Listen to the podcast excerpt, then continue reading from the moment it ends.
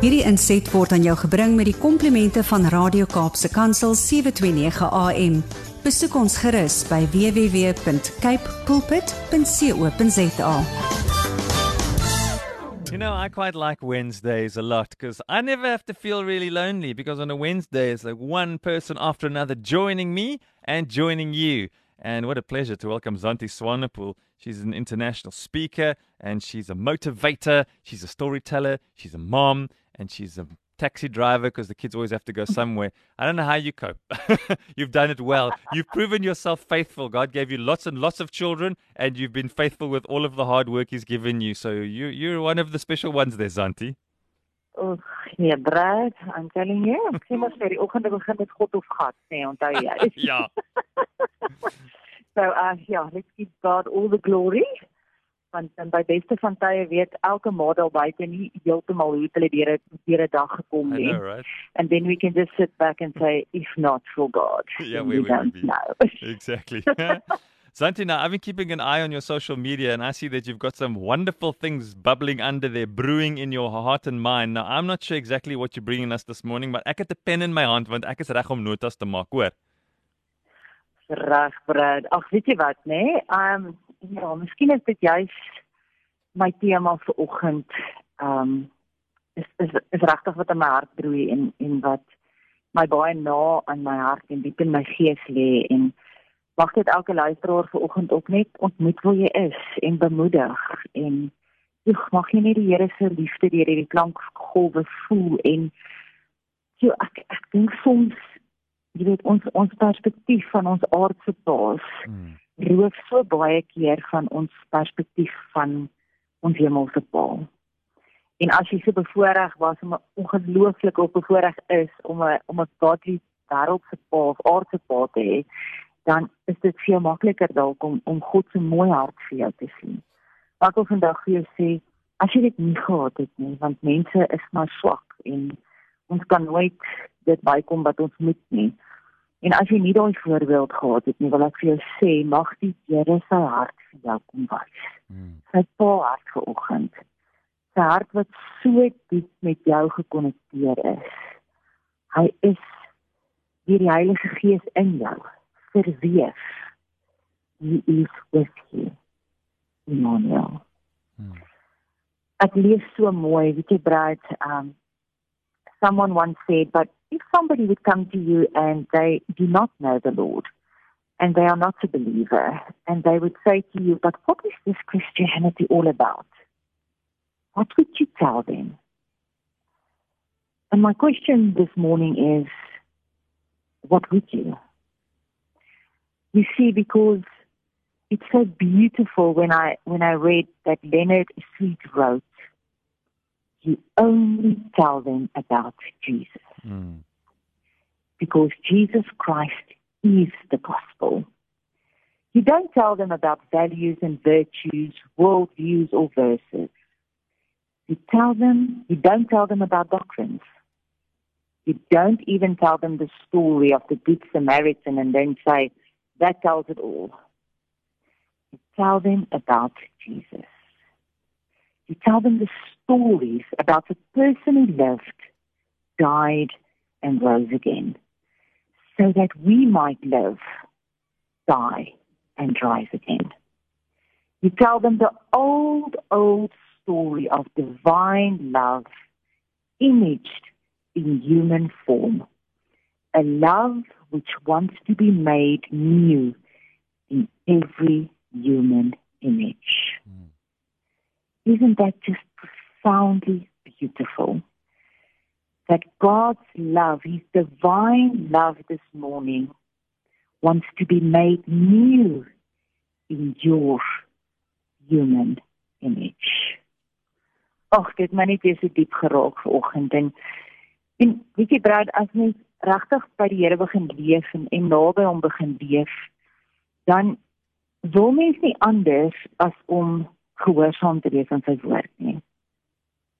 You see, because godly obedience is what we are called to. And to be obedient to God does not always make sense. It rarely makes sense. because his kingdom is so different to the worldly order we are captured in every day. En ek wil vandag vir julle sê ons moet gehoorsaam wees aan die stem van die Here. But you see, how can we even start being obedient if we can't hear his voice? Want jy weet vir my kinders om aan my gehoorsaam te wees, moet hulle hoor wat ek vir hulle sê. Mhm. Mm so we sometimes say we want to be obedient, but my question this morning is do you hear his voice? Because only if you hear his voice, you can be obedient to that. And then I want to challenge you one further. If you hear his voice and you hear what he says, then godly obedience means first time obedience. Amen. Nie om dit eers in jou kop uit te weer weer redeneer nie. Want dis mos wat ons doen. My kinders doen dieselfde. Ek sê vir hulle iets en dan sê hulle nie dadelik obedient nie. Hulle stry eers met my. And we do exactly the same. So first we've got to hear his voice and then when we hear his voice, we shouldn't go into a debate. We should just have godly obedience, even if it makes sense or not. The Word of God says in John 10, verses 27, that my sheep hear my voice, yeah. and I know them, and they follow me. So as jy ooit getwyfel het vir oggend, kan ek God se stem hoor, dan wil ek vir jou sê, gaan print vir jou John 10 vers 27 uit. Plak dit enige plek oral waar dit 24 uur uit 7 dae in jou gesig is wat sê my sheep hear my voice. In John 8 verses 47 it says he who belongs to God hears what God says. Hoor ek die Here, partykeer is my kop so vol. Ag, my kop raas of all the voices, all the noise, everything going on dat ek nodig het om stil te word en ek doen dit deur worship musiek te luister. En miskien is dit vir jou, miskien moet jy gaan stap. Miskien moet jy net uit die geraas uitkom, maar jy moet jou kop stil maak. And you have to start worshiping the one who loves you with everything, who died for you on a cross to have relationship. And when you do that, I promise you with everything that you will hear his voice. But when you hear do and do immediately. Hmm. Ek los jou vanoggend met 'n storie oor hoe belangrik dit is om first time obedience te hê. Hoe belangrik dit is om God se stem te hoor. En ek wil vandag vir jou sê as jy nie die Here hoor nie, gaan sit by sy voete en sien kom om met jou te praat. Hy sê if you come close to me, I'm close to you. Sy woord is waar. I say he is the good shepherd. You will hear his voice. Ask him. Dis nie net vir sommiges nie en dit is ook nie net in die Bybelse tyd nie. Dit is juis vir nou.